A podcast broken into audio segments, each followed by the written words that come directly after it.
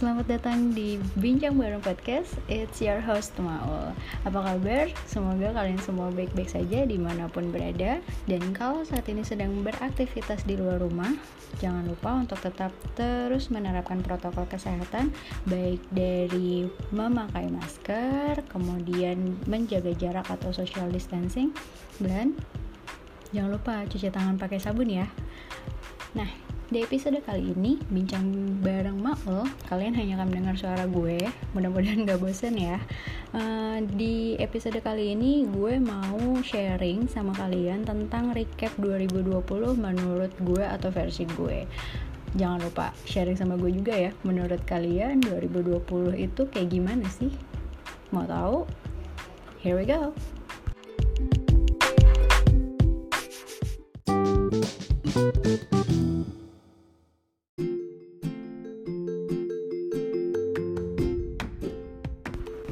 Bicara tentang tahun 2020 satu kata yang muncul di kepala gue itu adalah flat. Yep flat. It's just happened like that. Nothing special. Bener-bener berlalu begitu aja ya gak sih? Kalian ngerasa gitu nggak? Nah uh, jadi kalau ditanya how I feel about 2020 overall ya tadi flat dan um, cukup deg-degan sih thrilling ya. Karena uh, COVID-19 pandemik yang dimulai di bulan Maret 2020 itu benar-benar jadi sebuah kejutan yang sangat tidak dinantikan tapi terjadi dan dialami oleh semua orang. Unfortunately masih berjalan sampai sekarang. Dan gue rasa momen COVID-19 ini dan ketika itu dideklarasikan sebagai pandemik itu jadi shocking moment untuk dunia kayaknya ya. Nggak cuma kita aja penduduk Indonesia gitu tapi juga warga di belahan dunia mana pun. Nah uh, terus banyak hal yang berubah ketika pandemik itu muncul even sampai sekarang. Walaupun mungkin saat ini sudah banyak adjustment adjustment mulai dari social distancing kemudian protokol-protokol kesehatan yang di berlakukan di banyak tempat atau ruang publik. Tapi overall kegiatan sehari-hari pun juga jadi berubah gitu. Misalnya katakanlah kerja. Kerja uh, sejak diberlakukannya PSBB atau pembatasan sosial berskala besar yang unfortunately gue lupa mulai kapan. Yang jelas di bulan Maret itu ber, diberlakukan PSBB karena di Jakarta PSBB-nya on off ya kan? Nah dari semenjak diberlakukan PSBB mulai dari kegiatan bekerja sekolah itu semua dialihkan ke rumah. Nah, itu adalah daily activity yang tiba-tiba berubah patternnya atau atau aplikasinya yang biasanya kita pergi ke satu tempat itu baik itu kantor ataupun misalnya co-working space atau mungkin sekolah, kampus, apa pun itu kegiatan tiba-tiba semuanya beralih ke rumah. Ada yang kerjanya di kasur, ada yang kerjanya di mana namanya di lantai atau yang ada yang udah cukup beruntung punya working desk atau working station di rumah gitu kan. Kayak gue gue memulai kerja di rumah dengan kerja di kasur. Sampai akhirnya nyokap gue tuh kayak udah gerah kayaknya ngeliat gue kerja di kasur gitu. Sambil gue goleran sambil rebahan.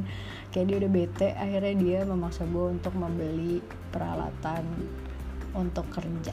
Meja bangku something like that. Awalnya gue menolak. Kenapa? Karena gue karena jiwa berpikir positif gue tuh cukup tinggi ya saat itu. Dan secara nggak punya pengalaman hidup di tengah pandemik juga kan gitu. Jadi kayak gue berpikir it's going to end very soon gitu. At least tahun 2020 akhir tuh udah selesai lah. Ternyata tidak semudah itu teman-teman ya kan? But ya yeah, life goes on right? Seperti yang tadi gue sebutkan di awal kegiatan itu kan banyak yang beda ke rumah. Salah satunya kerja to be honest kalau kerja di rumah atau kegiatan working from home itu bukan satu hal yang baru sih buat gue. Karena memang kantor gue sendiri punya policy untuk uh, kerja di rumah buat karyawannya uh, untuk momen-momen tertentu. Misalnya kayak karena di kantor gue ada regular regular closing setiap tiga bulan jadi kita memang diperbolehkan untuk uh, kerja di rumah gitu sesekali. Jadi sebenarnya nggak begitu kaget lah sama uh, new activity working from home itu sendiri. Cuma yang bikin shock itu adalah dengan pindahnya kegiatan dari kantor ke rumah yang namanya meeting-meeting tadinya harus di kantor kita tatap muka uh, dan yang namanya apa namanya koordinasi itu gampang. Kalau ada yang bingung atau ada yang buru-buru mau ditanyain tinggal nyamperin ke mejanya gitu kan langsung tanya eh ini kenapa ya? Eh ini gimana ya caranya ya? Atau apalah. Itu bisa dengan cepat teratasi tapi karena kerja di rumah somehow tiba-tiba lo tuh punya banyak banget agenda meeting seketika kayak virtual meeting tuh sehari bisa like what three four times a day. It's crazy right? Gitu. Jadi itu melelahkan banget exhausted. Dan buat gue pribadi uh, awal-awal pandemi di bulan Maret, April, Mei it's a very tiring three months ever. Kenapa? Karena gue baru aja pindah role saat itu. Yang menuntut gue untuk belajar banyak hal baru belajar banyak tools yang sebelumnya gue nggak tahu yang sama sekali gue nggak ngerti. Dan untuk mempelajari hal itu secara virtual to be perfectly honest itu nggak sama sekali bikin gue excited. Karena jujur aja gue bukan bukan orang yang apa ya yang suka belajar virtual. Gue tidak merasa gue bisa belajar dengan efektif dengan cara itu. Jadi ketika itu terjadi sama gue di role baru gue di mana gue belajar itu sendiri tanpa guidance orang tanpa arahan langsung tanpa dikasih tahu langsung itu sedih banget sih by the way ya. Mudah-mudahan kalian gak gitu ya. Um, ya dan dan itu tiga bulan tiga bulan awal pandemi itu menjadi tiga bulan paling mengerikan bagi gue bukan bukan hanya karena pandemiknya tapi juga bu, tapi juga karena perpindahan role ini yang buat gue tuh uh, mengejutkan dan melelahkan sih. Selain itu kebiasaan baru yang muncul pasca pandemi COVID-19 at least di gue awal-awal itu adalah belanja online. Gue bukan orang yang suka dan biasa belanja online tapi karena keadaan memaksa jadilah gue belanja online. Tapi ini gue lakukan uh, atau gue terapkan hanya untuk belanja-belanja keperluan rumah. Kayak sayur, buah, terus ya kebutuhan-kebutuhan rumah kayak sabun, terus minyak goreng dan lain-lain lah gitu kira-kira. Itu gue lakukan sekitar 3 sampai 4 bulan pertama lah.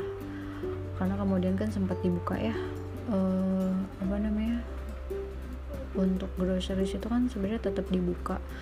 Dan ketika gue sudah mulai lebih berani untuk keluar karena kalau dipikir-pikir belanja online tuh emang karena gue basically nggak suka sama belanja online jadi gue merasa fleksibilitas gue untuk memilih barangnya dan memastikan bahwa barang yang gue beli itu adalah barang yang gue mau.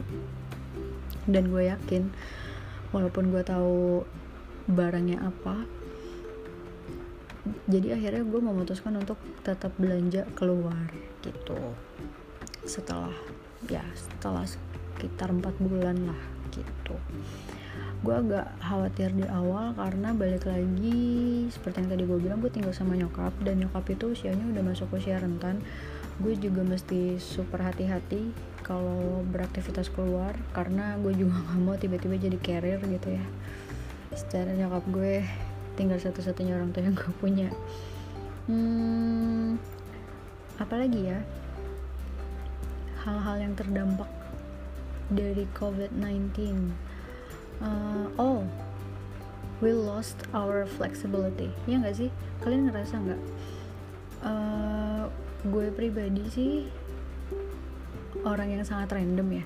Jadi saking randomnya ketika gue misalnya lagi di weekdays gue nggak kerja ke kantor gue biasanya even uh, either gue kerja di rumah atau gue kerja di sekitaran kantor atau di mana pun gue merasa gue nyaman bekerja atau gue bisa lebih produktif kerja gitu. Nah selesai jam kerja itu biasanya gue bisa mampir pergi ke mana namanya? Ke bioskop. Dan ketika pandemik itu tiba bioskop ditutup. Sebagian hidup gue hilang cuy. Gimana ya? Uh, gue sedih banget sih ketika bioskop itu tutup. Karena itu adalah satu-satunya hiburan gue yang paling gampang untuk dilakukan paling terjangkau dan efeknya tuh immediately terasa di gue jadi gue sedih banget ketika bioskop itu ditutup sehingga gue memutuskan untuk subscribe langganan tuh yang namanya Netflix, Disney Plus, what else, View, cuma nggak langganan Apple TV sama ABC aja gue tuh ya, atau sama HBO Go. Kebayang gak sih seberapa borosnya for the sake of nonton? walaupun akhirnya ketiga ketiga apa um, platform tadi yang bertahan itu hanya Netflix sampai sekarang. Oh no sama Disney Plus juga. Yang view gue lepaskan. Dan kedua platform itu pun juga sampai akhir 2020 itu jarang banget gue tonton. Jarang banget dibuka. Tapi itu bisa jadi alternatif entertainment kalian ya. Mulai dari Netflix kemudian uh, Disney Plus. Tapi kalau kalian mau banyak banget pilihan sih ya Netflix ya. Mulai dari series, film, TV shows. Karena kalau kalian penggemar Big Bang Theory, Friends, um, paling di yang Korea-Koreaan, Knowing Brothers, apa lagi? dan di situ juga ada anime juga kan. Jadi banyak lah pilihannya kalau Netflix itu. Kalau untuk Disney Plus kalau memang kalian adalah penggemar Marvel banget yang nungguin seri-serinya Marvel kayak Loki terus uh, Vision and Wanda itu ya bisa lah. Langganan Disney Plus aja. Karena diberlakukan PSBB juga artinya hangout itu juga dibatasi ya kan? Bukan dibatasi sih nggak bisa saat itu. Jadi banyak orang beralih untuk hangout virtual ada yang pakai video call WhatsApp, ada yang mungkin FaceTime, ada yang kayaknya sih yang gue perhatikan itu banyak yang pakai Zoom meeting. Gue pribadi nggak pakai itu, sampai detik ini nggak ngerti caranya gimana. Uh, karena gue sendiri kerja. Oh gue mau nanya sama kalian. Kalian kerja ketika meeting itu pakai pakai feature dari siapa? Apakah pakai Zoom meeting Google Meet uh, Skype for Business atau Microsoft Teams? At least itu yang gue tahu. Kalau ada yang lain yang gue nggak tahu dan tapi kalian pakai boleh banget loh share sama gue. Uh, nah jadi karena mungkin orang juga punya kebutuhan untuk tetap hangout tapi nggak bisa akhirnya diganti jadi virtual muncullah ide untuk hangout virtual. Gue pribadi nggak begitu banyak melakukan hal itu karena memang gak banyak yang diajak juga dan gue juga gak begitu tertarik entah kenapa tapi banyak banget teman-teman gue yang melakukan kegiatan zoom meeting itu.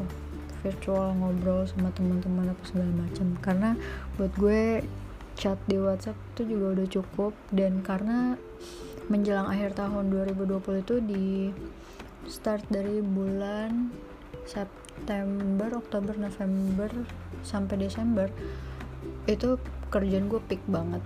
Workload gue tuh tinggi jadi kesempatan gue dan waktu gue untuk do something like that itu bener-bener terbatas. Jadi hidup gue dan waktu gue itu banyak tersita oleh pekerjaan gue di bulan September sampai Desember kemarin di 2020 that's why menurut gue tahun 2020 itu berlalu sedemikian rupa tanpa ada hal-hal yang spesial tanpa banyak hal baru yang gue temukan dan gue lakukan. Kalian merasakan hal yang sama gak sih? Atau gue aja ya? I don't know. Uh, well it's tough year after all. Anyway gue masih akan ngobrol sama kalian sharing tentang apa yang terjadi di tahun 2020 new habit yang tiba-tiba menjadi kebiasaan baru gue selama pandemik di 2020 apa aja kira-kira? Mungkin sama-sama kalian mungkin juga beda.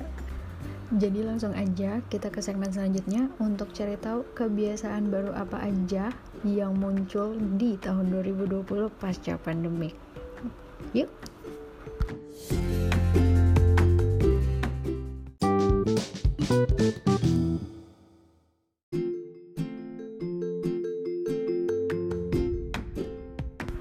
Pandemi COVID-19 nggak hanya membawa perubahan pada kegiatan sehari-hari gue aja tapi itu juga menimbulkan hobi-hobi baru bahkan kebiasaan-kebiasaan baru yang gue yakin juga kalian merasakan hal yang sama.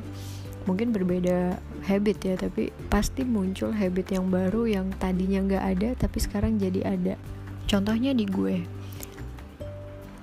kebiasaan baru yang muncul pasca pandemi dan kegiatan kerja di rumah itu adalah hal pertama yang gue lakukan saat bangun tidur saat baru bangun tidur lebih tepatnya adalah ngeliat jam dan buka laptop. Iya buka laptop. Gue entah kenapa selama kerja di rumah itu dan seperti yang gue bilang ya karena menuju akhir tahun pekerjaan gue tuh banyak banget workloadnya tinggi banget. Jadi gue merasa freak out sama kerjaan gue sehingga gue selalu membuka laptop setiap kali gue baru bangun tidur di pagi hari. Is that good? No. Kalau itu adalah sebuah kebiasaan baru that's definitely not a good new habit at all. Apakah kalian begitu juga kalau kalian begitu juga yuk sama-sama kita perbaiki jangan keterusan ya. Bangun tidur tuh meditasi dulu gitu kan. Coba nafas dulu berjemur dulu sebentar olahraga kalau perlu minum dulu atau segala macam lah melakukan hal-hal yang berguna untuk diri lo sendiri dulu. Bukan untuk buka laptop. Apalagi laptop kerjaan please. Huh semoga 2021 ini habit gue yang satu ini berkurang ya frekuensinya dan kalian juga. Kemudian new habit selanjutnya itu adalah langsung bersih-bersih setelah sampai rumah. Jadi uh, pasca PSBB mulai dilonggarkan atau disebutnya new normal ya. Uh, jadi kantor gue itu memperlakukan uh, grouping schedule. Ada grup A dan grup B. Kebetulan gue include atau masuk di grup A yang jadwalnya sudah ditentukan oleh tim HR sehingga gue masih tetap ke kantor hanya dengan jadwal yang memang sudah ditentukan untuk grup gue. Selain dari itu nggak boleh atau kalaupun misalnya gue harus ke kantor pada jadwal yang memang gue bukan waktunya gue harus minta approval dulu dari manajer gue dan juga country director huh, ya yeah. sampai country director serepot itu um, nah karena gue masih beraktivitas di luar rumah mau nggak mau dan biar bagaimanapun juga untuk keperluan rumah pun gue juga lebih prefer beli sendiri keluar instead of beli online belanja online. Oh by the way kalau bicara tentang belanja online sebelumnya gue sempat beli beli online di awal-awal masa pandemik untuk beli sayuran buah minyak whatever it is lah. Pokoknya keperluan dapur dan rumah itu gue bisa menyarankan ke kalian untuk pakai aplikasi Happy Fresh. Kalau kalian mau belanja untuk keperluan dapur tapi kalau untuk belanja sayur dan buah kalian bisa uh, cek sayur box. Karena sayurnya segar-segar. Tenang ini bukan paid promotion ya. It's just simply a genuine review from me.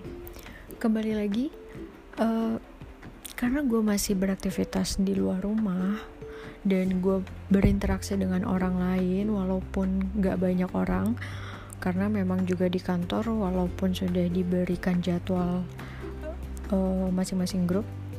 Tapi kantor gue memang merekomendasikan atau menyarankan untuk kerja di rumah aja. Jadi bener-bener hanya untuk uh, business essential matter aja yang direkomendasikan untuk datang ke kantor gitu. Nah, walaupun demikian, uh, karena gue juga masih punya banyak pekerjaan yang melibatkan administrasi yang memang gue harus ke kantor.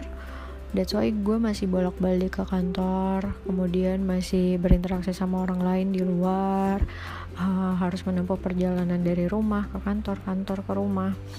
Itu akhirnya kan gue jadi sering keluar kan. Nah habit barunya itu muncul ketika gue pulang dari luar. Jadi selama covid ini setiap kali gue pulang dari dari beraktivitas di luar hal yang pertama gue lakukan adalah bukan nyamperin mama untuk cium tangan, cium pipi kanan kirinya dia dan juga cium keningnya dia, tapi langsung pergi ke kamar mandi. iya, ke kamar mandi, bersih-bersih, ngerendam baju, ganti baju, baru setelah gue memastikan gue sudah bersih dan gue sudah rapi, gue baru nyamperin nyokap gue untuk salaman. Dan hal itu juga dilakukan oleh nyokap gue. Ketika nyokap gue terpaksa harus keluar atau memang sedang ada keperluan keluar, beliau itu akan melakukan hal yang sama seperti yang gue lakukan. Begitu dia pulang, dia akan langsung ke kamar mandi, bersih-bersih. Setelah itu baru dia mengizinkan gue untuk nyamperin dia dan salaman sama dia gitu. Kalian kayak gitu nggak? Tapi gue rasa setiap uh, setiap setiap orang punya kebiasaan baru ini sih yang pergi dari luar itu sampai rumah langsung bersih bersih terus uh, bahkan ada yang sampai langsung banget harus nyuci bajunya gitu. Ada juga tapi ada juga yang sekadar ngerendam aja dulu atau dibasahin air aja dulu gitu. Atau dipisahkan aja bajunya antara yang baru dari luar sama yang uh, pakaian yang dipakai di rumah aja gitu. Is that a good habit? It is. Jadi jangan sampai kita santai dan agak sombong merasa yakin bahwa kita bebas dari virus. Jangan tempatkan kita akan tertular tapi tempatkan kita di posisi bahwa kita adalah carrier supaya lebih hati-hati lagi dalam berinteraksi dalam bertindak dan jangan sampai uh, karena kita careless atau kita kurang peduli akhirnya kita jadi sembarangan dalam beraktivitas di luar. Jangan sampai ya. Nah next new habit itu adalah late lunch. Mm -hmm. late lunch. Gue sering banget dimarahin sama si mama karena late lunch. Setiap kali jam makan siang itu lebih sering gue masih dalam posisi meeting. Like I said kerja di rumah itu membawa segudang undangan virtual meeting which I don't really like it. Ya ada yang senang virtual meeting? Gue sih enggak ya. Tapi yang jelas late lunch ini agak ganggu sih karena uh, ya selain jadi bikin kacau jam makan jadi diomelin juga double gitu gue ruginya. Kalau kalian sendiri mengalami hal serupa nggak?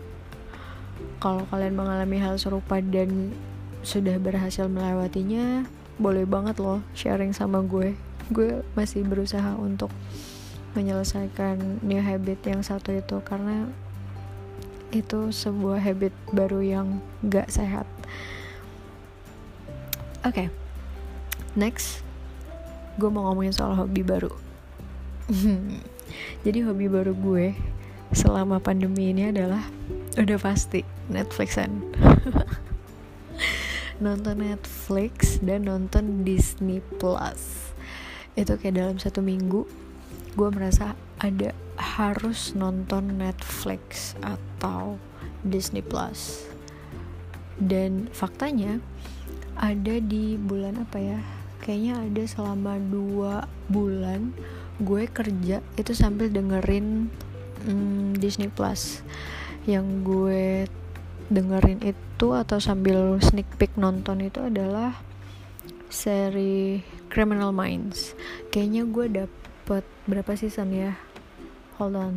Satu dua tiga uh, oh gue dapat empat season. Jadi gue memang nonton dari awal banget nonton dari season 1 sampai gue akhirnya stop di season 4 bukan karena gue mulai tidak tertarik sama ceritanya tapi simply karena gue mulai kehabisan waktu untuk me mengerjakan hal lain selain kerjaan gue. Nah uh, itu di, di Disney Plus. Kalau di Netflix waktu itu yang gue tonton apa ya? Bentar gue coba inget-inget dulu kayaknya kalau di Netflix itu yang gue tonton banget adalah film Enola Holmes. Cerita tentang adiknya Sherlock Holmes. Ya bener. Itu sama kayaknya gue sempet rerun nonton Descendants of the Sun ya drama Korea. Mm -mm. Iya dua itu doang sih. Karena memang gue seperti yang tadi gue sebutin di awal load gue tinggi. Jadi waktu gue untuk nonton Netflix tuh agak agak hilang gitu. Dan ingin gue tebus di bulan ini. Penting ya. Uh, satu lagi hobi baru gue selama pandemi itu adalah mewarnai. Jadi sebelum pandemi sebenarnya gue punya satu buku uh, buku apa sih namanya nih? Bentar gue nyontek dulu. Jadi nama bukunya itu coloring book for adults my own world 2 uh, ini tuh karyanya Kaleza dan Tria. Namanya buku terapi warna anti stres. Karena gue anaknya stresan. Iya gue anaknya stresan dan saat gue lihat buku ini tuh gue merasa tertarik untuk mencoba. Akhirnya gue belilah buku ini dan pensil warna mewarnai beberapa. Dan memang menyenangkan walaupun hasilnya nggak indah-indah banget ya karena gue anaknya juga bukan yang pandai seni juga. Hmm, tapi it is really relaxing for me jadi mungkin kalau kalian lagi cari alternatif untuk uh, apa namanya untuk rilis stres bisa deh dicoba. Tapi kalau misalnya kalian orang yang nggak sabaran atau in a rush kayaknya sih kurang cocok untuk mewarnai ini. Kenapa? Karena gambarnya tuh kecil-kecil. Jadi ngewarnainya tuh harus telaten harus ekstra sabar. Jadi kalau misalnya nggak sabaran kayaknya bakal gregetan sih ngerjain coloring book kayak gini. Karena memang ya tadi yang gue bilang kecil-kecil. Kalau nggak sabaran pasti bete gitu. Dan kebetulan juga waktu gue ulang tahun beberapa waktu lalu salah satu teman gue dari geng rebahan itu dengan sangat baik hatinya menghadiahkan gue uh, coloring book lagi. Hmm, judulnya coloring for Relaxation by Faber-Castell uh, ini juga lebih ngeselin sih kalau nggak sabaran ngerjainnya karena lebih kecil dari buku My Own World itu dan mewarnainya itu pakai uh, spidol ya. Ya bukan spidol sih tapi ini lebih ke bukan pensil warna yang jelas. Ya lebih ke spidol lah konektor pen. Warnanya itu banyak banget dan ya balik lagi seperti yang tadi gue bilang kalau nggak sabaran ngerjain warna-warnan kayak gini pasti bakalan bete. Kesel sendiri ngelihatnya gitu. Dan uh, honestly gue juga megang buku-buku ini buku-buku coloring ini hanya ketika gue merasa stres ketika gue merasa stres uh, gue menggunakan ini untuk relief karena balik lagi bioskopnya lagi ditutup kemarinan itu belum dibuka. Uh, dan sekarang pun juga belum gue belum nyoba lagi untuk ke bioskop untuk nonton. Masih ada sisi gue yang mengatakan ntar dulu lah. Belum berani gitu. Nyalinya masih agak ce ah, masih agak cemen. Hmm, dan ya nggak untuk setiap hari juga sih sebenarnya coloring ini. Pegel. Capek loh ngewarnain apa warna apa gambar-gambar yang kecil-kecil banget ini gitu. Nah itu tadi adalah hobi baru gue beserta kebiasaan-kebiasaan baru yang muncul selama pandemi di tahun 2020 mungkin akan berlanjut sampai sekarang. Entah berlanjut entah berhenti tergantikan sama yang lain atau ya we'll see ya. Apa yang akan terjadi di tahun 2021 so di segmen terakhir nanti gue akan membicarakan tentang highlight of 2020 kira-kira apa aja? Langsung aja kita ke segmen selanjutnya. Stay tune di sini ya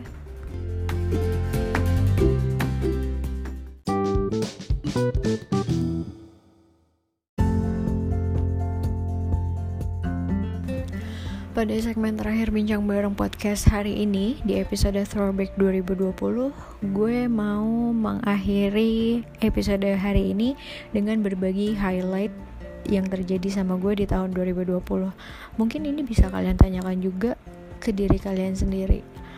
Hmm, Gue punya empat poin yang mau gue share di sini Yang bisa kalian tanyakan juga sama diri kalian sendiri. Yang pertama ada most memorable moment. Um, buat gue most memorable moment di tahun 2020 itu adalah um, sebentar gue ingat-ingat dulu. Kayaknya most memorable moment di tahun 2020 itu adalah gue berhasil lolos proses rekrutmen untuk pindah role. Karena menurut gue itu agak agak apa ya gue bener-bener di encourage banget sama beberapa orang untuk mencoba role yang saat ini lagi gue kerjakan yang saat ini gue kerjakan. Dan saat itu gue tahu kalau kandidatnya itu nggak hanya dari internal aja tapi juga ada dari eksternal prosesnya itu menurut gue memorable karena baru kali ini gue merasakan proses rekrut rekrutmen di internal organisasi yang sama untuk posisi yang berbeda dan status yang berbeda gitu. Biasanya gue melakukan proses rekrutmen itu di beda institusi atau beda organisasi. That's really memorable. Itu uh, yang kedua adalah most painful experience yang terjadi sama gue di tahun 2020 itu adalah momen ketika gue harus kehilangan nenek gue gitu. Jadi gue punya special bond sama nenek gue ini karena dulu gue dirawat dan diasuh sama nenek gue. Saat nyokap gue lagi kerja dan karena gue lama diasuh sama nenek gue kalau nggak salah sampai gue masuk TK ya sampai gue masuk TK terus juga waktu ayah gue meninggal pun nenek gue yang nemenin gue karena waktu itu nyokap gue masih shock masih uh, kaget kehilangan bokap gue. Jadi uh, agak sedikit dalam tanda kutip lupa sama gue. Gitu kira-kira.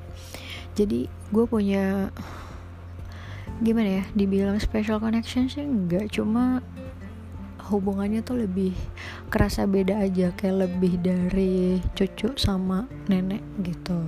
Dan it's my biggest loss. Dan itu menyedihkan banget sih buat gue. Uh, berasa kehilangannya. Dan gue bener-bener baru banget bulan lalu gue tiba-tiba menangis uh, karena melihat foto nenek gue. Foto terakhir yang gue ambil saat kita lagi sama-sama pulang kampung ke kampung halaman kami gitu. Um, it is really painful tapi gue yakin this is the best things yang harus terjadi sama nenek gue supaya dia juga nggak merasakan sakit lagi it's hard but yeah. I know it's the best for her. Next yang ketiga adalah happiest moment. Happiest moment di tahun 2020 buat gue itu adalah ketika bulan Desember berakhir. Iya ketika bulan Desember berakhir itu adalah momen yang paling menyenangkan buat gue. Kenapa? Karena it means kuartal 4 berakhir it means closing berakhir closing quarter 4 dan closing tahun 2020 um, dan itu seperti penutup dari seluruh kesibukan gue yang dimulai dari bulan September sampai akhir Desember itu. Ya yeah, it is really pleasing me ketika tahu bahwa yes bulan Desember berakhir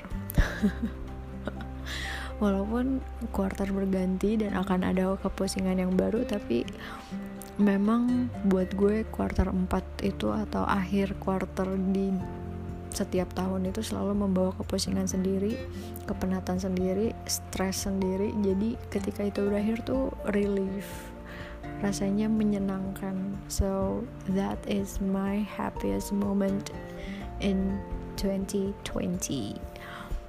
Last yang terakhir yang keempat adalah biggest achievement di tahun 2020 ini penting banget kalian perlu tanyain juga sama diri kalian sendiri supaya kalian bisa ingat apa yang sudah kalian capai di tahun sebelumnya.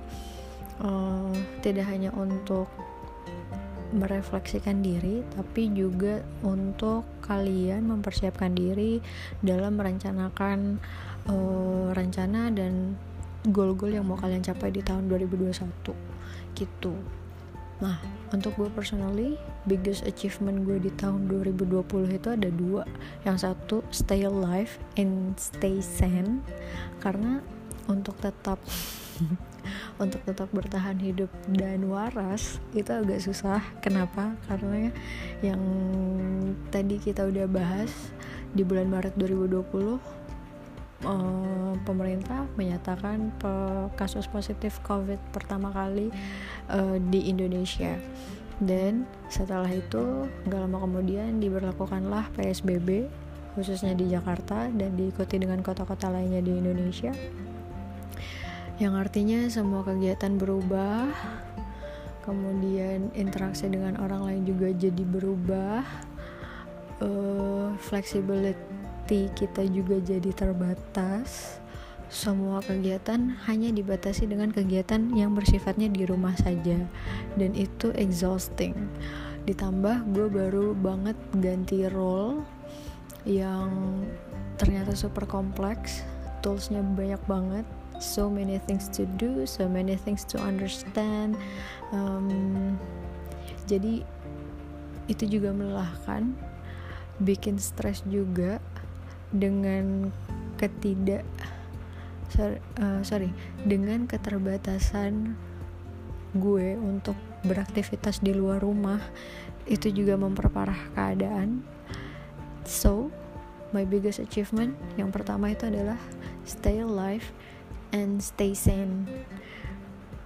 Untuk tetap waras selama pandemi itu challenging banget kalau kalian gak percaya coba kalian tanya ke beberapa teman kalian seberapa sulit mereka bertahan untuk tetap waras di tengah-tengah pandemi di saat kasus positif yang terus bertambah setiap hari.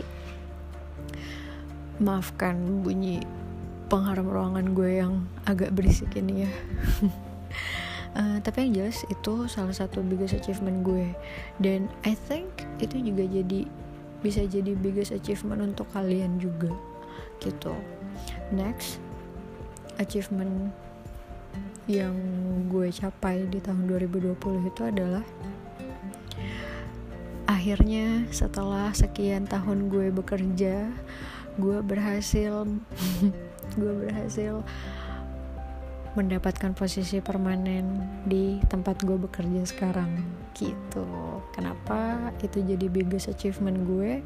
Karena di perusahaan-perusahaan gue sebelumnya bekerja uh, posisi gue selalu kontrak dan kebetulan gue kerja di satu tempat itu cukup lama sekitar tujuh tahun. Dan ya gue stay jadi karyawan kontrak yang di update kontraknya setiap dua tahun sekali. Uh, long story pokoknya. Dan iya. Jadi ketika gue dapat kesempatan untuk apply di internal untuk posisi permanen kemudian ternyata gue lolos prosesnya lalu ternyata juga lolos kualifikasi dan akhirnya diterima untuk jadi uh, karyawan permanen di perusahaan yang sekarang. That is really a big achievement buat gue. Ya yeah, itu pencapaian banget buat gue. So walaupun 2020 terasa flat buat gue but at least ada achievement yang berarti gitu buat gue. Karena achievement ini to be honest nggak hanya untuk gue pribadi tapi ini juga sebuah hadiah buat mama gue. Sebuah ketenangan buat dia supaya setiap tahun dia nggak perlu nanya kakak kontrak kamu diperpanjang atau enggak gitu. So that's it that's the highlight of 2020 from me.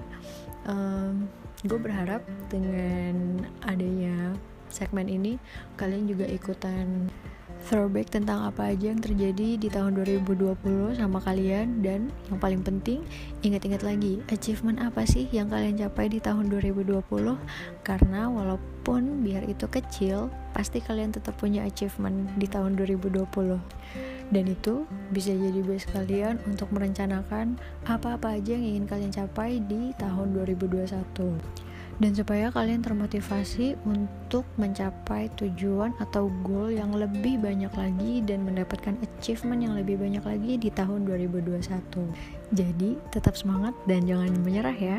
Terima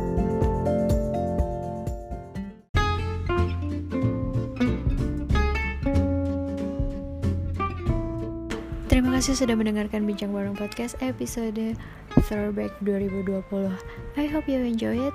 Dan sebelum gue mengakhiri episode kali ini Gak bosan-bosannya gue mau mengingatkan kalian untuk selalu jaga kesehatan Dan pastinya menjaga protokol di mana pun kalian berada saat berkegiatan di luar. Seperti memakai masker, jaga jarak atau social distancing, kemudian jangan lupa cuci tangan pakai sabun sebisa mungkin, minum vitamin, dan perbanyak minum air putih. Jangan lupa juga untuk istirahat yang cukup ya. So, stay safe, stay healthy. Gue mau pamit dulu. Kita ketemu lagi di episode Bincang Bareng Podcast berikutnya. Sampai jumpa.